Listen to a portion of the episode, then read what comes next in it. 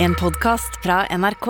De nyeste episodene hører du først i appen NRK Radio. Ja, Vil det si at det også kan være mulig å formulere det på følgende måte? Du bør ikke pælme pus ut med kattesanda?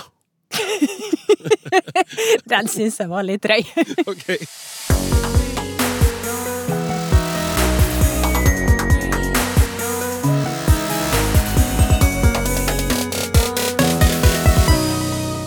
Har du noen gang kasta barnet ut med badevannet? Eller er du av dem som hiver babyen ut med vaskevannet? Uansett hvilken variant du velger, så er det et uttrykk for det samme. Språksnakk med Klaus Sonstad. Barn, baby, badevann, vaskevann. Kjært uttrykk kan ha mange varianter, og det skal vi snakke om i Språksnakk i dag. Det kjønnsnøytrale pronomenet hen ble sendt ut på høring i februar. Nå vil vi det kjønnsnøytrale pronomenet hen ble sendt ut på høring i februar.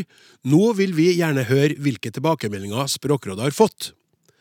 Forrige uke trodde vi Pjolterens aller første blandingsplass var funnet. Det var visst feil. Jakta på denne drikkens opphav fortsetter. Kans Hekap Bing Bak gir sannsynligvis ikke mening for deg sånn umiddelbart, men litt senere i sendinga avslører vi hvilken betydning den setningen har. Og en ikke lenger like travel FHI-direktør, Camilla Stoltenberg, er gjest i Ut med språket. Men først skal vi, for å si det med en kjent frase, over til noe helt annet.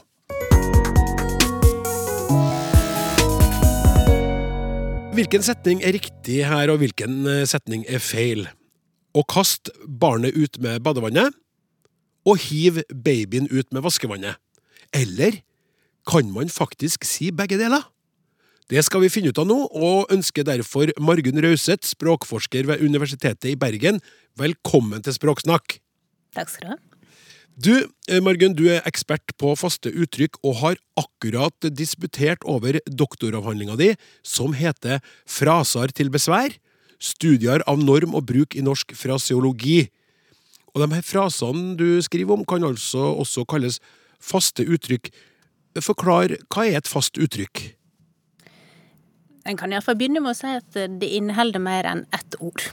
Eh, og det kanskje fremste kjennetegnet ved et fast uttrykk, det er at en, en kan liksom ikke tippe seg til hva kombinasjonen av disse flere ordene betyr ut fra enkeltbetydninger til eh, ordene som det består av. Og eh, dessuten har jeg iallfall sett det som et kriterium i, i min havhandling at, at uttrykk må være gjenkjent og akseptert og, og brukt som en ening i, i språksamfunnet. Og det har vært litt viktig for meg å, å fokusere på det, fordi at jeg annet ser på eh, bokmål- og nynorskperspektivet i det, og hva, som, hva slags uttrykk som kan brukes i begge to, og hvor det oppstår lån og, og den type eh, spørsmål. Så rett og slett et spørsmål ja, uttrykker vi det på denne måten, enten da i, i bokmål eller nynorsk. Ja, Og så er det et veldig vanlig kjennetegn å trekke fram at eh, de, er, de har en relativt fast form. Både med tanke på hva slags ord som, eh, som inngår, og hva en kan gjøre grammatisk med, med ordene. Om en kan bøye dem, eksempel. hva bruker man dem til, da? Det kan jo være veldig mange forskjellige ting. Først og fremst så handler det om hvis vi har en sånn eining som vi har lært oss, så er det veldig fort å ty til dem for å uttrykke noe som kan være ganske komplisert. Eh, og vi kan anta at mottakerne skjønner da ganske intuitivt eh, hva, en, hva en ønsker å, å uttrykke. Eh, og så nevnte du kaste barnet ut med badevannet, og der ser vi jo at eh, veldig mange av disse her er veldig egnet for språklig leik. Eh, og denne kreative bruken er jo noe vi, vi egentlig bare ser mer og mer av, at vi liker eh, å gripe til disse egningene for å lage en liten vri på dem. Ja, Vi skal komme tilbake til akkurat den setninga der, 'kast barnet ut med badevannet'. Men øh, hvis du kan si litt om hvor de her faste uttrykkene egentlig kommer fra? De kommer veldig mange ulike plasser ifra. Altså, vi har jo en del eh, som, eh, som kommer fra norrønt, så vi har på en måte fra vår egen tradisjon, men ikke minst ser vi at veldig mange har eh, felles opphav enten i, i Bibelen, eller det kan være ulike europeiske land, store kulturnasjoner, som, som vi har mange av uttrykkene våre fra. Eh, det er heller ikke overraskende med tanke på hvor mye tysk eh, arvemateriale som finnes i norsk, at mange av, eh, av uttrykkene òg har, har, et tysk opphav. Ja. Men har du noen eksempel på noen uttrykk som, som du har kikka litt nærmere på, da? Ja, jeg så for eksempel på 'kjøpe katta i sekken'. Ja. Eh, som det er jo helt fantastisk å tenke på at du skjønte umiddelbart og kjente til det, men det er jo faktisk et uttrykk som vi kan knytte tilbake til 1300-tallet i Tyskland. Så langt tilbake? Eh, der det gikk en eh, gjøgler og spilloppmaker rundt eh, og sydde en katt, visstnok, eh, inn i et hareskinn og putta denne katten opp i en sekk. Eh, og, og, overraskelsen var da, hvis en ikke sjekka hva som var oppi denne her, så, så fikk en et dyr av en mye lavere verdi eh, enn en trodde. Ja, akkurat. eh, så, så, det kjenner vi da både i, i den tyske forma. Eh, de Katze im sakkekaffen. Eh, en har det i fransk og italiensk òg med, med, katten. Eh, men i, i Sverige så har de faktisk eh, ikke katten, men en gris. Eh, at de kan, eh, kan kjøpe grisen i sekken. Da har det blitt en gris? Det er det blitt en gris, og det artige er jo at den grisen finner vi òg igjen i, i, engelsk. To buy a pig in a poke. Ah. Sånn at vi Dette her er egentlig ikke uvanlig at, eh, at det kan være ulike dyr eller ulike kroppsdeler eller hva det skulle være, disse ordene som inngår, men at vi likevel har den samme betydninga, at vi bruker den eh, likt. Ja, men, så, så løsrivinga da fra de enkeltordene og hva de betyr, blir jo veldig tydelig i, i det eksempelet. Ja, ja absolutt. For, for at, sånn som jeg forsto deg, så, så tenker jeg jo sånn når du sier katt og sydd inn i hva, hva du sa, kanin? Kaninskinn. Ja, det tenker jeg sånn Det er to, to dyr som du tenker pelsen og det ligner litt, men den grisen, hva den blir sydd inn i, det lurer jeg veldig på. Veldig, veldig mystisk. men vi har jo òg et, et litt sånn nærliggende uttrykk um, å slippe katta ut av sekken som, eh, som visstnok eh, kan eh, Iallfall Vannebo, som har skrevet veldig fin, eller flere fine idiomordbøker, sier har engelsk opphav. Der engelske bøker på 1500-tallet drev og mora seg med å, å selge da eh, katten i stedet for et dyr. Eh, til intetanende kunder som da gjorde et dårlig kjøp. Oh, ja.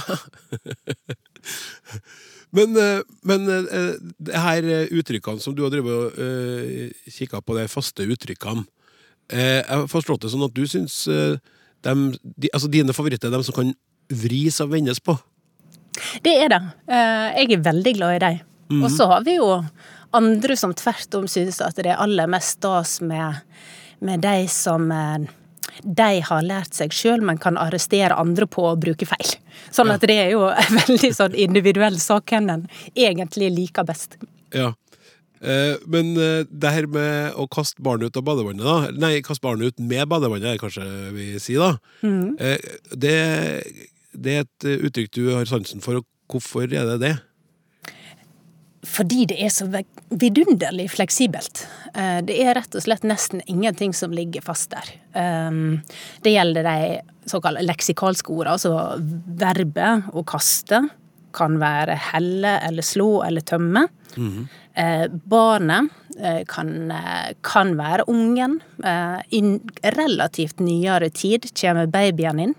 Det er veldig vanskelig å tenke seg at det ikke har engelsk påvirkning som forklaring. Mm -hmm. Eh, og eh, i alle fall i tidligere tider så, så var ikke det så uvanlig å i alle fall i nynorsktradisjonen å, å skrive 'vaskevatnet' i stedet for eh, 'badevatnet'. Mm. Eh, så alle disse her er variable. Eh, I og med er nå relativt stabile, disse funksjonsordene. Eh, men en ser òg at en kan gjøre egentlig alt mulig. Altså at en både kan bøye ordene, en kan snu om på ordstillinga og egentlig alt som en i tradisjonell faglitteratur har sagt ikke er mulig å gjøre med, med et sånn type idiom, som vi kaller det. da. Hvor kommer det her fra, det uttrykket? Uttrykket, eh, det er veldig fint. Ehm, den første gangen vi kjenner til at det har vært brukt i, i skrift, er et uh, tysk dikt fra 1512. Uh, en Thomas Mørner som, uh, som, skrev et dikt om noen narrer som drev og kasta barn ut med badevannet. Og denne Mørner han brukte uttrykket i flere sammenhenger, sånn at det tyder egentlig på at dette må være et uttrykk som har vært kjent i språksamfunnet. Og måten han varierer det og bruker det på, tyder på det. Eh, sånn at kanskje kan vi regne med at det har vært i tysk siden slutten av 1400-tallet, iallfall. Ja. Og vi ser òg eksempel at eh, at den godeste Martin Luther brukte dette i et foredrag om kong Salomo i 1526. Så det er virkelig de lange historiske linjene vi har med oss her. Det er jo Det er, det er gøy å tenke på. Ja, det er det. Virkelig. Du var ikke så Du flirte godt da, men du, du, du, du syns ikke Jeg traff helt med pælm pus ut med kattesanda. Da har vi gått litt langt. Ja og nei. Okay. eh, jo, men det er, det er helt uh, utrolig fascinerende med dette her. Det er jo at jeg tror ikke jeg Klart, jeg har litt rart bilde. Uh, og, og, på en måte en litt rar forståelse. Jeg har tenkt altfor mye frasen på denne her i altfor mange år. Ja. Men jeg tror òg at andre, når de hører det, likevel skjønner hva du alluderer til. Ja. At det er noe med konstruksjonen her.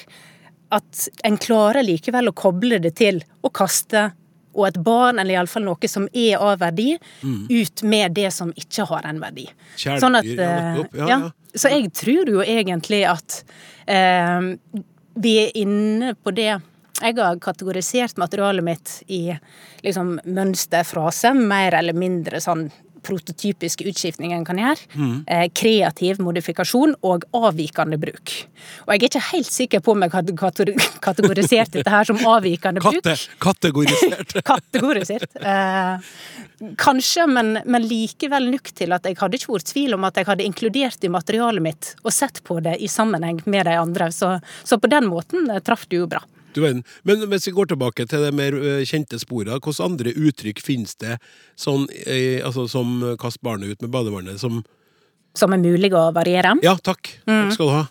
Eh, det som eh, jeg mener iallfall ser ut til å være en god forklaringsmodell, er at de frasene, eller de faste uttrykkene, der det går an å på en måte plassere en del av fellesbetydninga til uttrykket på orda som inngår, der ser det ut til at eh, vi står friere til å, å, vri og vende på dem.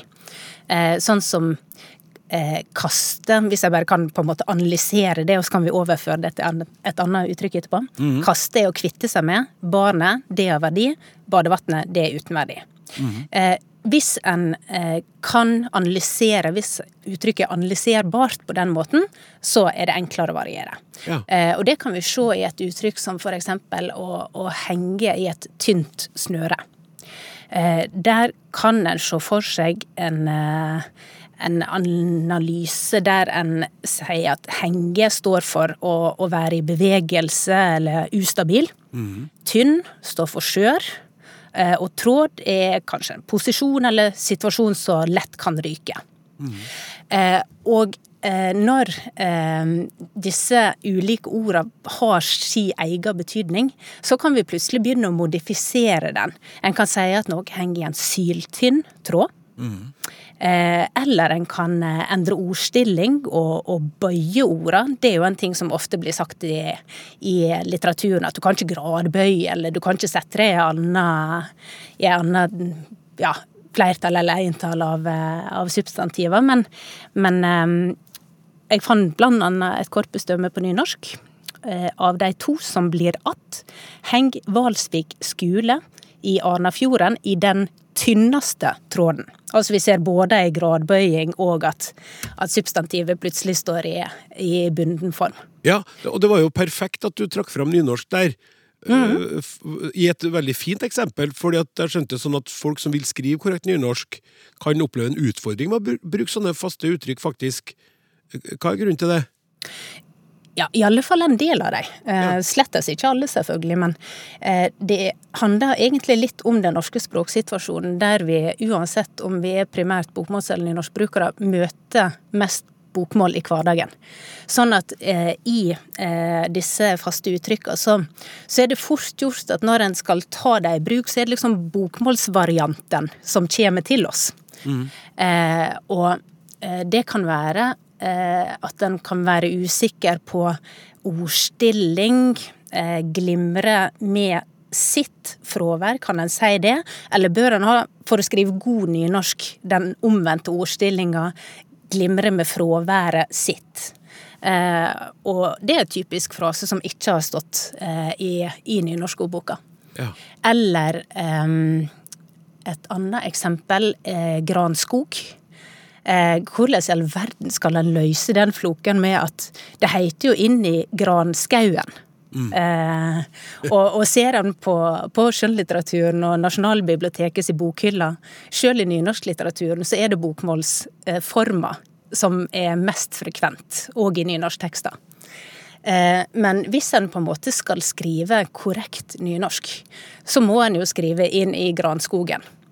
Og det som ofte skjer, det er at eh, denne her litt sånn tilpassinga til eh, normert form eh, ofte kan gjøre at, at det blir litt sånn mer konkret. Det skurrer lite grann, og, og, vi får på en måte ikke sånn automatisk kanskje den, den overførte betydninga liksom øverst i, i tanken, men, men, det blir litt konkret. Betyr det at sånne faste uttrykk ikke egner seg særlig for normering? Nei, de er strengt tatt ikke normerte heller. Eh, altså Språkrådet, når de normerer, som er det offisielle normeringsorganet i Norge, så handler det om at de ser på enkeltord, eh, og de kan bestemme hvordan det skal skrives, og hvordan det skal bøyes. Eh, men eh, de normerer ikke per def eh, fraseutvalget. Men samtidig, eh, så i, i ei ordbok som, som nynorskordboka, så er jo det noe av primærfunksjonen eh, til ordboka å akkurat gjøre greie for eh, hvordan en uttrykker seg korrekt. Mm. Eh, sånn at eh, der er det på en måte ikke nok å se at eh, ja, det mest frekvente i bruk er bokmålsforma, og da bare putter vi den inn. Da må en faktisk prøve å, å gjøre noen tilpassinger eh, som som kanskje blir normriktige, men ikke alltid speiler den såkalte ususen, bruken. Kanskje eh, litt av motivasjonen din for å faktisk skrive denne avhandlinga ligger der? Absolutt. Jeg har grubla veldig mye på en del av frasene òg. hvordan i all verden skal en føre dem, da? Ja.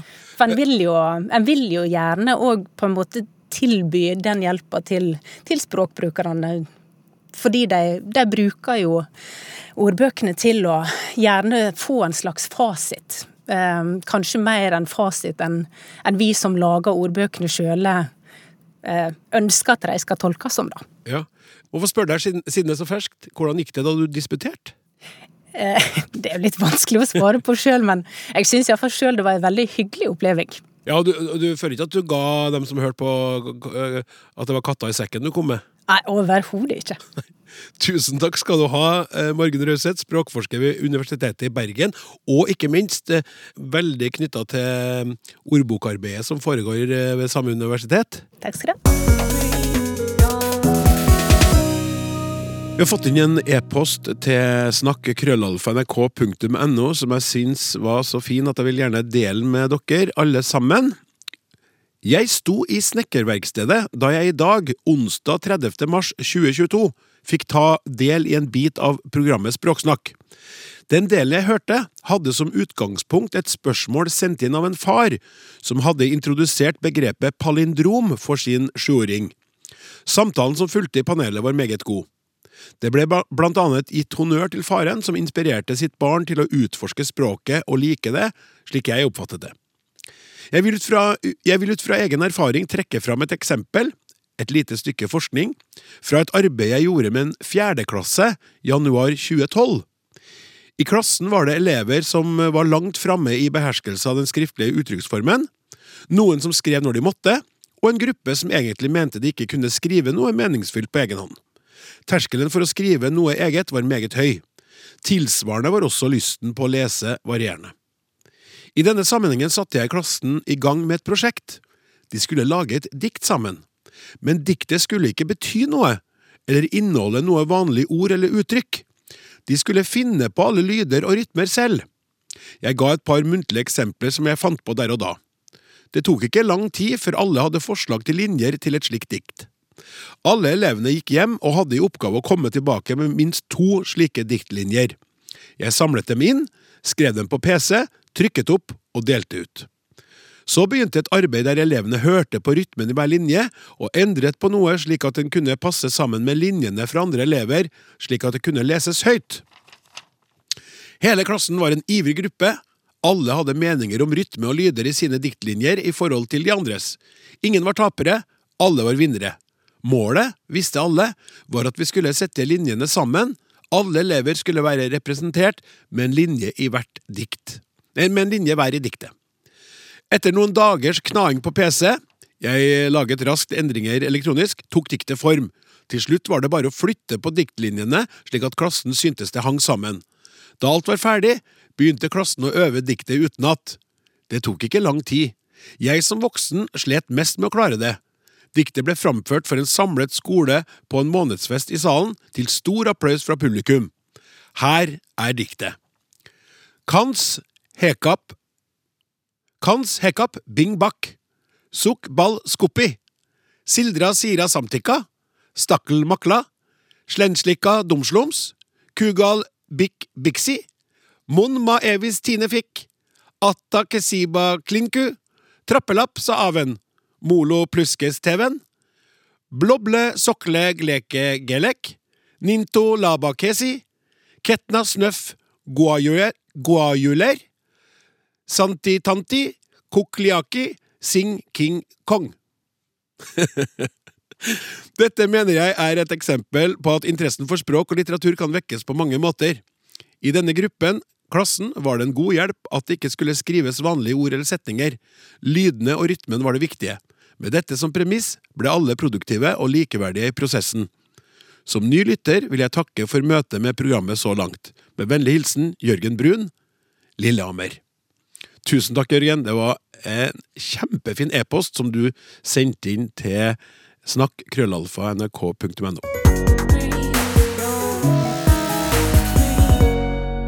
Bør det kjønnsnøytrale pronomenet hen komme inn i norske ordbøker? Språkrådet syns det er en god idé, og i februar så sendte de ut et høringsnotat som alle som ville kunne komme med innspill på. Og visst var det mange som ville. Språkrådet har fått inn en mengde ytringer både fra offentlige instanser og privatpersoner. Daniel Ims, seksjonssjef i Språkrådet, velkommen til oss. Takk for det. Nå skal dere behandle alle de her innspillene. Vi skal få høre hva folk synes om hen snart, men først, hva er det Språkrådet har foreslått at skal skje med hen? Språkrådet har foreslått at hen blir tatt inn som et personlig pronomen, og da i, i betydning av kjønnsnøytralt pronomen.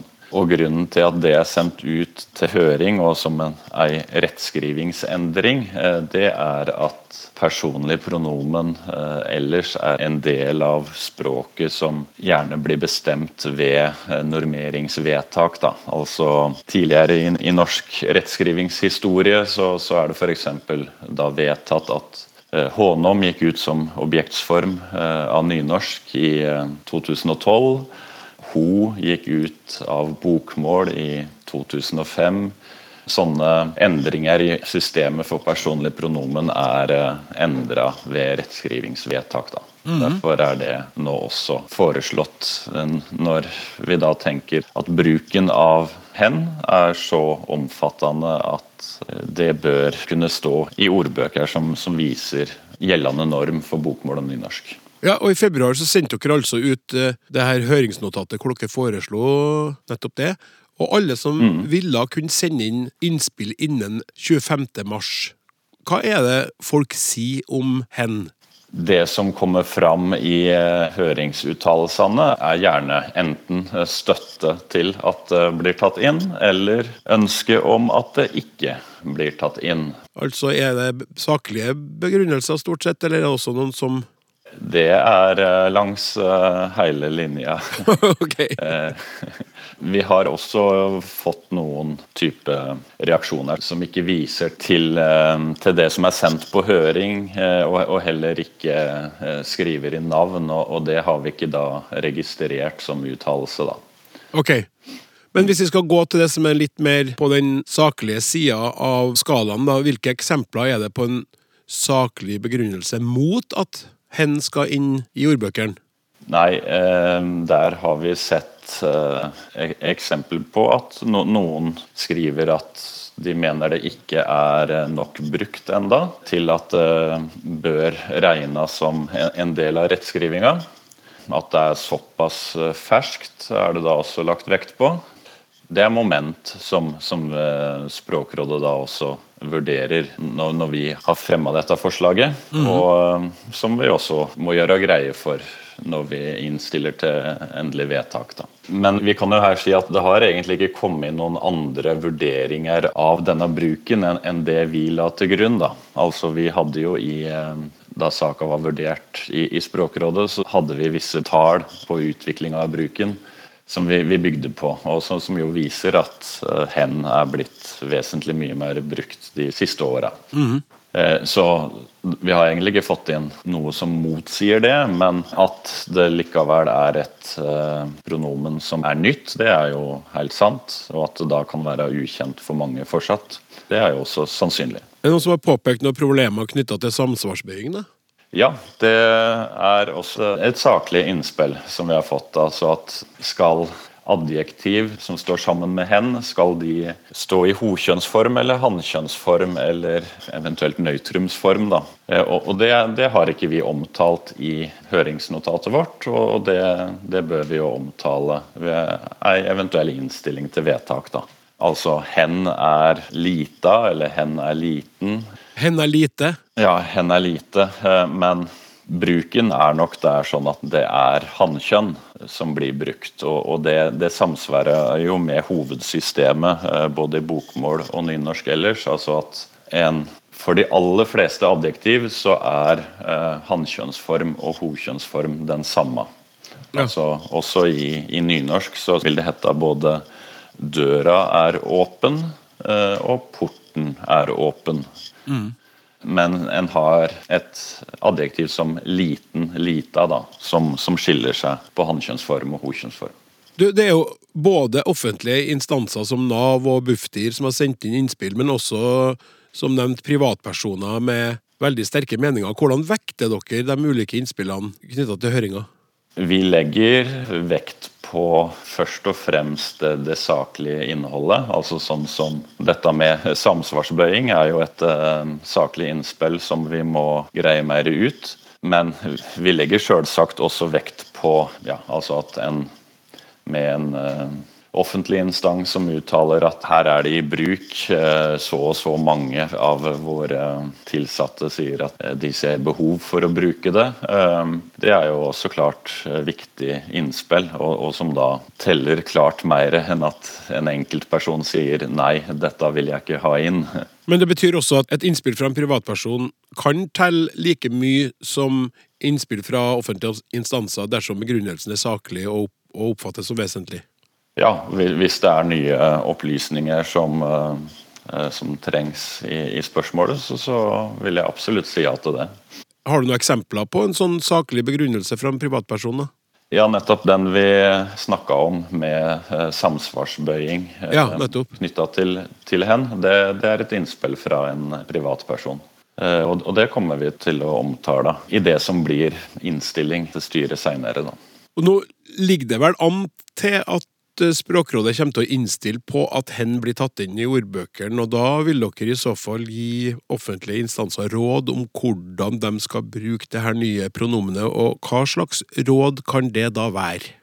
Ja, Det er et spørsmål som vi må se noe nærmere på. Men det vi må gi offentlige instanser råd om, er dette med eh, bruken. Altså å, opplyse om det at det er relativt nytt og, og sånn sett kan være ukjent for mange. Det, det har fått mye oppmerksomhet, dette pronomenet. men fortsatt så er det nok sånn at det er, det er mange som, eh, som, ikke kjenner det, og som ikke er vant til å, å, å, se det i skrift. da. Så dersom en ønsker å bruke det, så må en da kanskje også vurdere om en skal opplyse noe om at en nettopp gjør det, da, som en, en gjerne gjør med en parentes eller noe ved, ved førstegangsbruk. Men Kan vi forvente oss at bruken av hen vil eksplodere hvis det nå kommer inn i ordbøkene?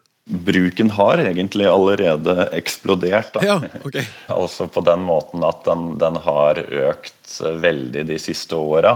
Hvilke, det hva snakker vi om i år, da? Sånn type tilbake, sånn 10, 10 år, 10-15? hva? Ja, altså, Hvis vi går ti år tilbake, så, så, var det knapt i bruk i det hele tatt. Og så var det vel særlig i 2014 som det kom en, en debatt rundt det. For da var det særlig aktualisert gjennom at det ble tatt inn i svenske ordbøker. da. Mm -hmm. når, når, vi har sett på bruken, så har vi sett at det særlig er siden 2019 faktisk at det vi ser det mye i ja, type eh, tekster som aviser eh, og lignende.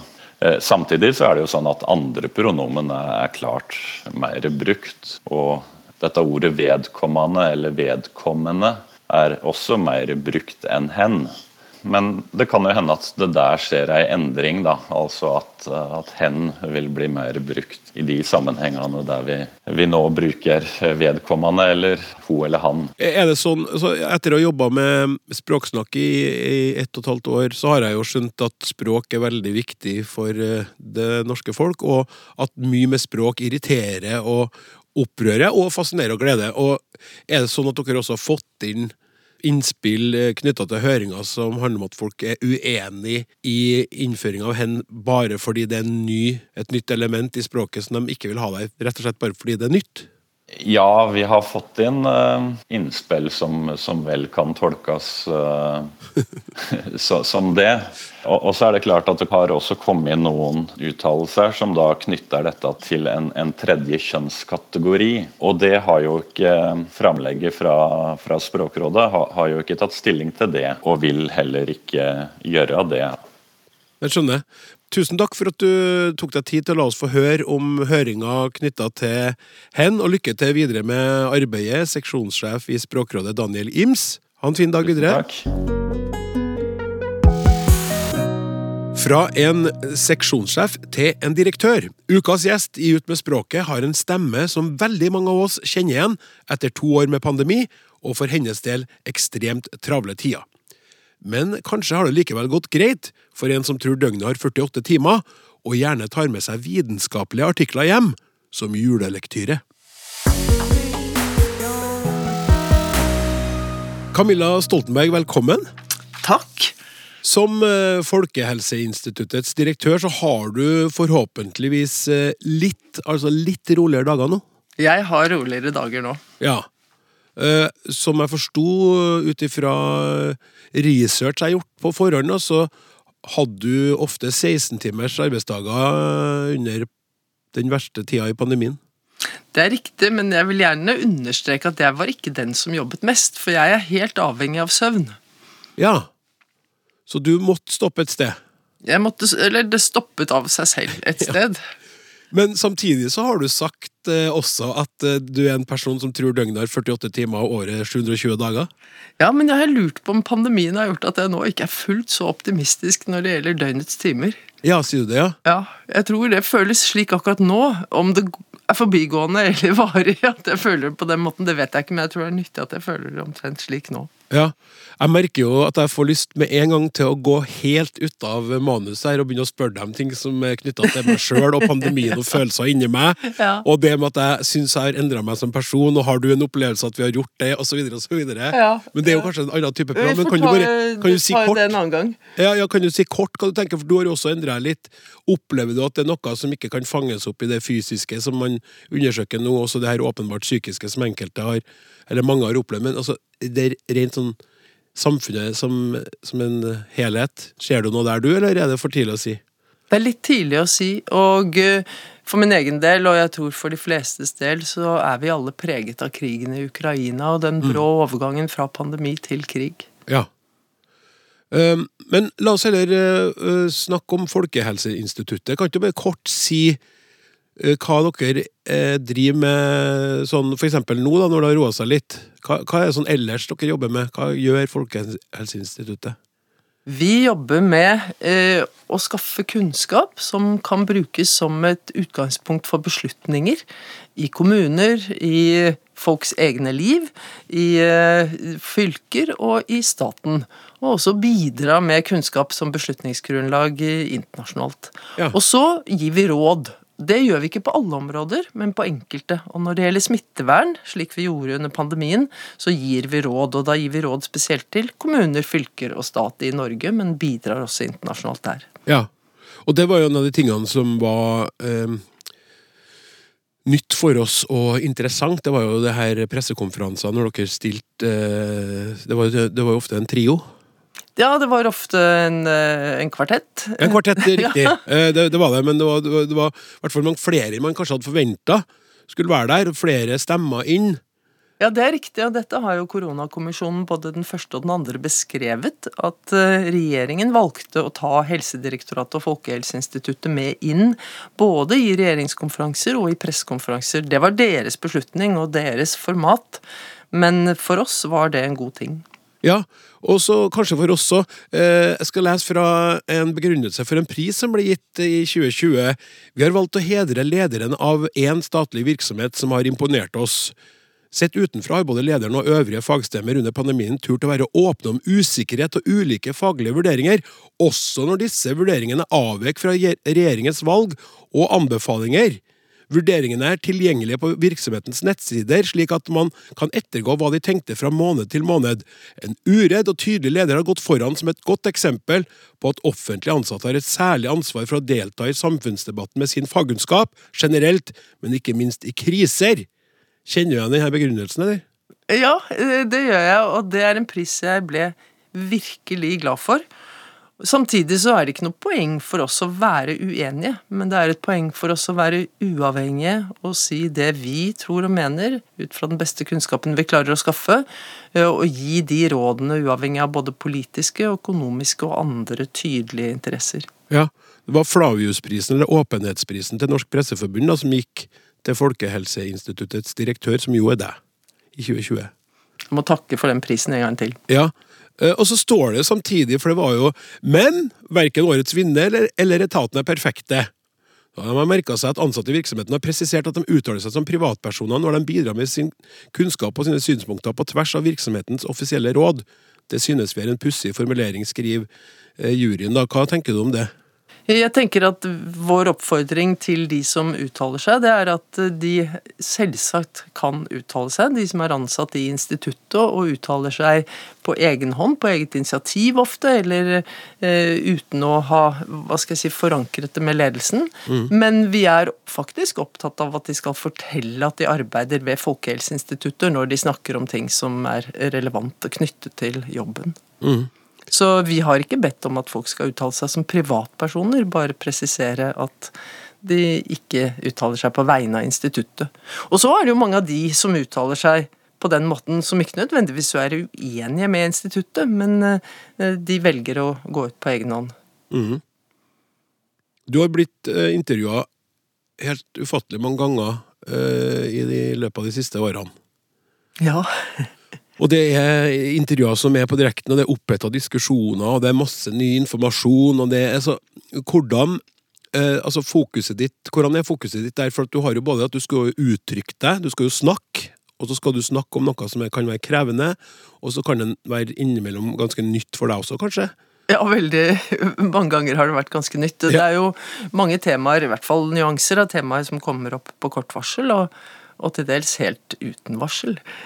Men eh, hvis du spør hvordan jeg forbereder meg, så er det viktigste det å tenke at jeg skal bevare min indre ro, at jeg skal forsøke å være saklig, at jeg skal være, eller at jeg skal være saklig. Ja. At eh, jeg skal være klar, slik at alle kan forstå, ikke minst jeg selv, eh, hva jeg sier. Og, og så må jeg prøve å ikke gå meg vill i alt det jeg har lyst til å si, fordi jeg vet at jeg kan bli både lang og omstendelig, og jeg syns det er best når jeg klarer å være kortere. Men Det som eh, imponerer meg med å høre på deg og andre som, som er eh, i sånne situasjoner, når du klarer å uttrykke deg klart, da, og også variere språket, og ikke komme med så mye fyllord og sånne ting som jeg tenker at uh, bare sånne som at man sier liksom og, og på en måte og uh, Ja, det som kan være naturlig egentlig å fylle inn for å få tenkt seg om. Skjønner du hva jeg mener nå?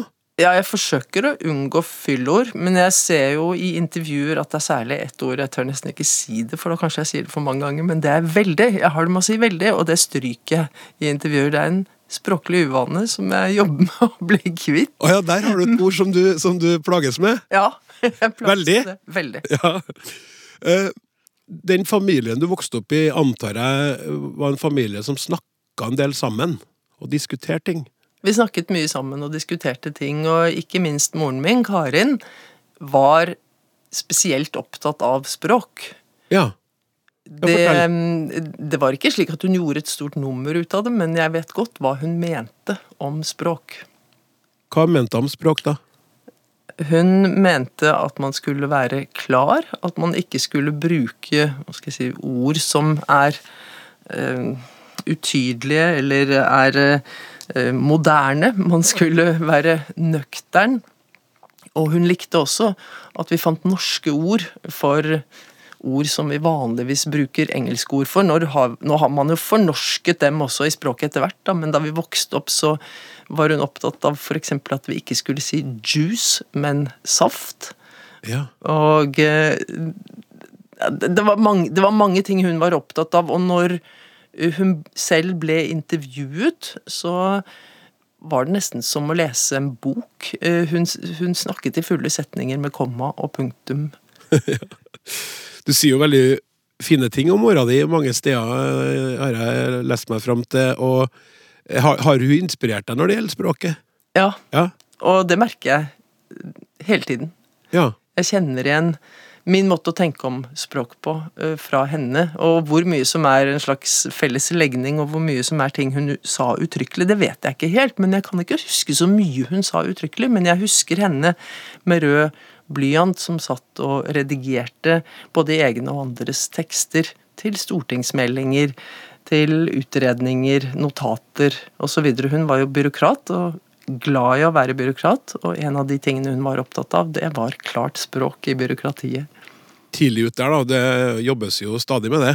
Det jobbes det stadig med. Jeg tror man må fortsette å jobbe med det, men jeg er litt overrasket over at vi ikke trener mer i eh, norsk skole, og ikke minst universitets- og høyskoler, systematisk på å skrive.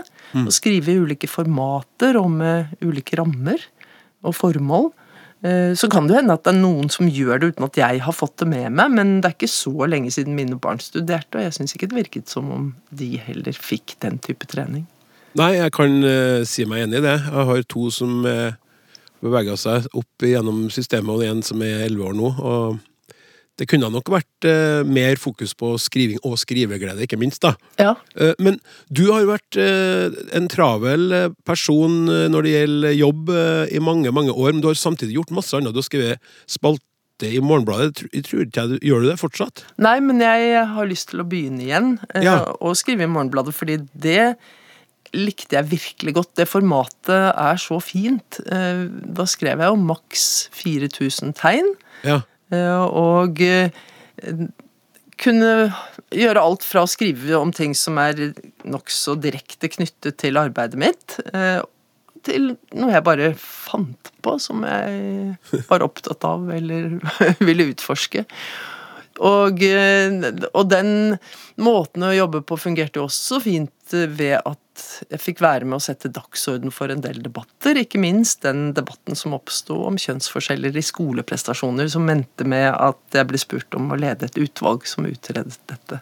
Altså, det der var interessant. Så jeg bare en, en av titlene eh, på, på spaltene dine 'Jenter har vært flinkest på skolen siden 1914'. Ja. Ja, der var vi midt i det. ja. Ja. Eh, Kjempespennende tematikk, da. Det det er er en viktig tematikk som jeg gjerne vil eh, snakke mer om og forske mer på sammen med de andre som har fulgt opp dette hos oss i Folkehelseinstituttet, og, og, og nettopp forsøker å finne årsaker til at vi har de kjønnsforskjellene, med tanke på at vi ved å finne ut mer om årsakene kanskje kan gjøre noe med det på en klok måte. Og så har du sittet, eller sitter du fortsatt i Kulturrådets sakprosautvalg? Nei, det er dessverre en god stund siden, fordi det klarte jeg ikke lenger da jeg ble direktør, og det er faktisk ti år siden til høsten. Jeg forsøkte litt til, fordi det er også en av de aller morsomste tingene jeg har gjort. Eh, det, det, det, var, det var så fint, eh, og jeg leste og leste noen ganger døgnet rundt. Og det vet jeg ikke om jeg orker i dag, men, men eh, det å få lest så mye, og det å følge sakprosaens utvikling eh, fra Altså, jeg satt der sånn fra Først så satt jeg eh, faktisk tre år i Bragepriskomiteen for sakprosa. Mm. Fra 2002 til 2004, og så fra 2007 til 2012 var jeg med i eh, Kulturrådets sakprosautvalg, og der fikk vi jo lest eh, mye, og jeg synes synes vel at særlig biografier, men også en del av den sakprosaen som tar utgangspunkt i faglig vitenskapelige felt, utviklet seg mye i den perioden eh, til det bedre. Og det er fortsatt store muligheter for å utvikle dette i Norge, mener jeg, men det har skjedd mye på de årene. Så jeg savner den jobben, ja. Ja, og Det som fascinerte meg veldig, det var eh, eh knytta til en sak som vi ikke verken har tid eller det er ikke så viktig å gå inn på nå, men, men det er den derre Jeg tror Sudbø, var ikke den het? Jo, ja, det er riktig. Sudbø-saken, der du var tidlig ute med å, å oppdage eh, da juks i, en, eh, i, forskning. Men det som fascinerte meg veldig sånn, knytta til våre prater som handler om språk, ikke sant? Ja. Eh, det, var, det sto da i et intervju med at den som oppdaga at noe ikke stemte, var altså Camilla Stoltenberg. Da var det fremdeles 2005, og det var romjul. Stoltenberg hadde tatt med seg en bunke vitenskapelige artikler hjem som julelektyre. Ja, det er sant. ja, ja, det er sant. Men så må det jo sies da at eh, riktignok leste jeg jo en del av den julelektyren, men samtidig så har jeg en tilbøyelighet til å overdrive hvor mye jeg skal rekke å lese, så jeg tar med meg en stor bunke hjem, men jeg får ikke lest hele den bunken. Nei, men, men lell, som vi sier i Trøndelag. Men lell, da. Ja. ja. Så det, det, du koser deg med det? Ja. ja. Og søndag morgen, for eksempel, da koste jeg meg med koronakommisjonens siste rapport, og den må jeg si er godt skrevet. Ja, akkurat. Men eh, det, det, har jo vært fram flere ganger tidligere. Jeg syns det er fascinerende at du var innom det eh, en periode med tanke på hvor du endte opp hen. Du ville bli teaterregissør, har du sjøl sagt. Ja, det er veldig lenge siden. Regissør. Det er helt riktig, eh, ja. og det er sant. Men ja. det er veldig lenge siden. Ja. Og det gikk fort over. Det gikk ikke så fort over sett i lys av livet mitt så langt, fordi det var jo noe jeg tenkte på Første gang jeg husker at jeg tenkte på det, så gikk jeg fremdeles på ungdomsskolen og, og i niende klasse, og hadde eh, litt uklare forestillinger om hva jeg skulle gjøre videre. Eh, og så la jeg det vel ikke helt fra meg før jeg var 21, tenker jeg. Nei, men hva var det som gjorde at du droppa det, da? Da jeg droppet det endelig, det var at jeg kom inn på medisin. Ja. Eh, jeg søkte på medisin, men jeg hadde samtidig søkt jobb eh, i Grenland Friteater, som holder til i Porsgrunn fremdeles. Og ja. der fikk jeg også jobb. Og da jeg fikk begge deler, både komme inn på medisin og eh, den jobben i Porsgrunn, ble jeg helt ute av meg. Så jeg klarte ikke å bli glad for at jeg hadde kommet inn på medisin engang i, i første omgang. For da måtte jeg jo velge mellom disse to tingene som jeg så gjerne ville. Ja. Så det med eh, Altså, du, du har, du har um, en dualitet i deg, på et vis, da? Jeg synes, altså, jeg må jo si at mange av de valgsituasjonene jeg har vært oppe i i mitt liv, de har jo vært luksuriøse på et vis, men jeg syns jo de har vært fryktelig vanskelige der og da. Mm. Hvordan har Steinerskolen eh, bidratt til å gjøre deg til den personen du er i dag? Språklig sett, eller på andre måter? Nei, Vi, tar, vi kan ta språklig sett, da. ja, vi kan ta det språklige. Ja? Jeg tror Steinerskolen har preget meg sterkt, og, og, nå er ikke sporene like tydelige for meg som de var, for nå er det mange andre ting jeg har opplevd som preger meg. Men, men eh, når jeg tenker tilbake, så var eh, det at Steinerskolen tok, og tar, språk alvorlig på en måte som jeg kanskje ikke har sett at man alltid har gjort i eh, andre skoler, viktig. Mm. Og um, det at vi også lærte tekst utenat, um, var enormt viktig. Vi lærte f.eks. hele Draumkvedet. Vi sang alle versene. Ja. Og fortsatt kan jeg deler av det utenat. Jeg skal ikke sitere det nå, men, men eh, det var viktig. Og vi lærte Erlekongen av Goethe utenat på tysk. Og vi spilte Shakespeare og Ibsen. eh, Og det betød at vi fikk et forhold til tekst, ikke bare gjennom disse store tingene, men også til daglig, som var spesielt. Samtidig så var det et språk som delvis var preget av noe som allerede den gangen var eh, gammelmodig eh, og konservativt riksmål. Vi, eh, vi hadde Jeg tror ikke vi ble pålagt det, det, kan jeg ikke huske, men, men vi hadde lærere som sa Venedig og Rom, ikke Roma og Venezia. Mm. vi hadde, og Spanien, sa de. Og, og vi hadde også lite grammatikkundervisning. Det savner jeg fortsatt. Jeg har aldri hatt ordentlig grammatikkundervisning, og jeg syns egentlig grammatikk både er nyttig og viktig og spennende, og jeg liker det.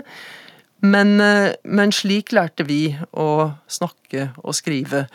Og så, da jeg begynte på andre skoler, så oppdaget jeg at jeg hadde nok et ganske hva skal jeg si, overdådig språk. Det var eh, noe som, som min norsklærer på gymnaset kalte for kameliansk, og jeg Kameliansk? har ikke, dessverre ikke eksempler på, på den måten å skrive på i dag, men det var et slags sånn flytende, litt blomstrende, uty- upresist språk som, som eh, jeg ikke forsto at ikke alle andre også hadde, eh, før jeg så det.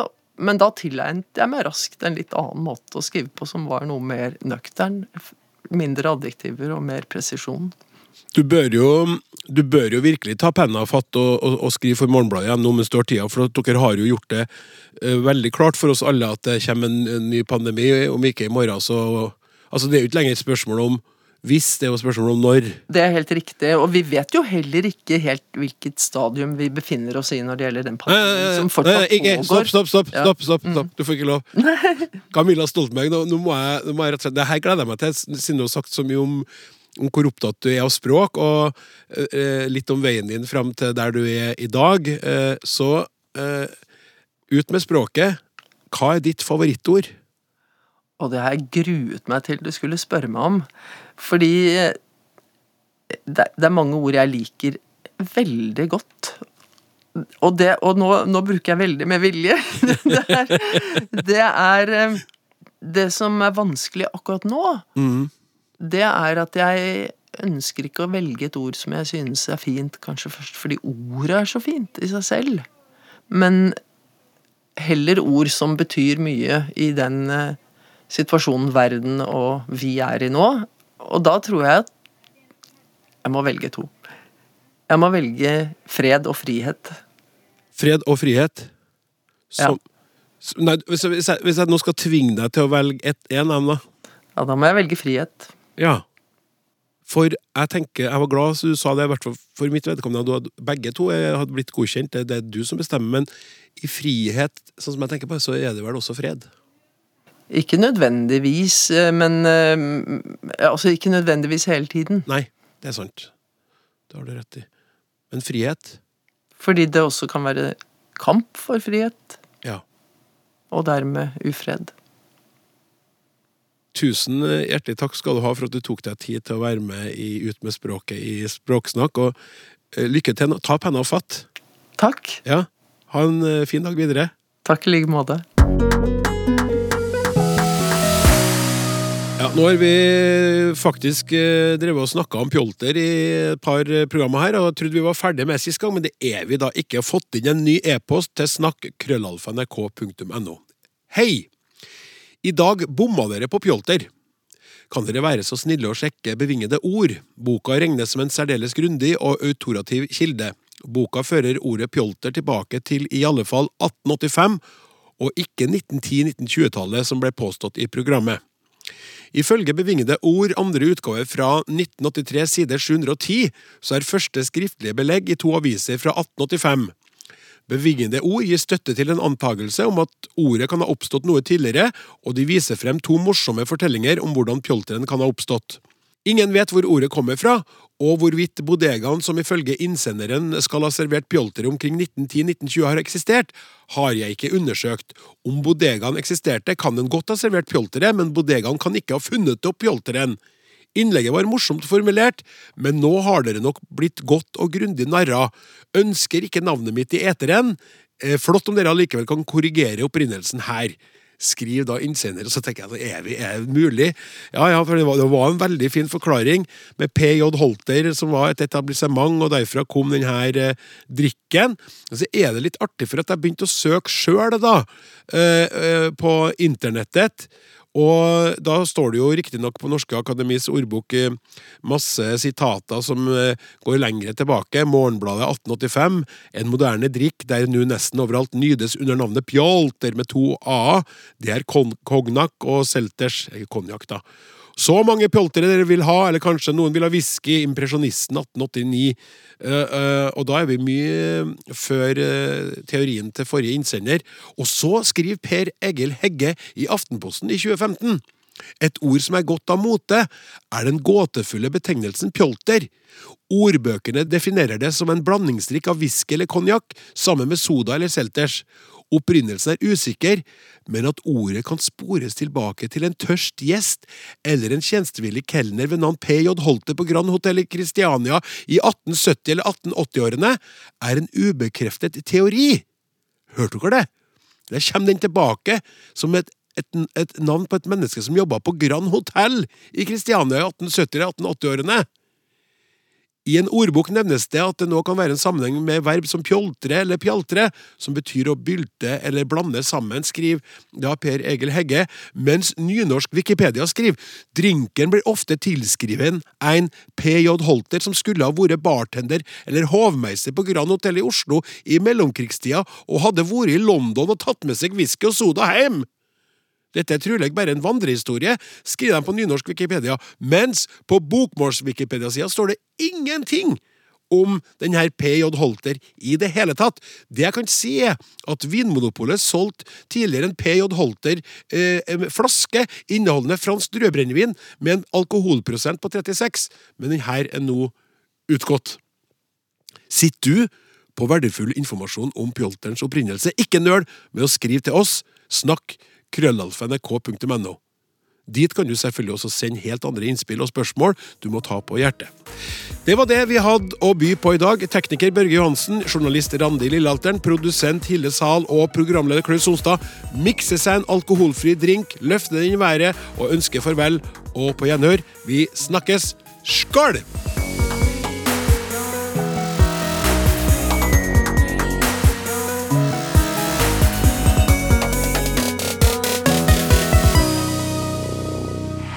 Du har hørt en podkast fra NRK.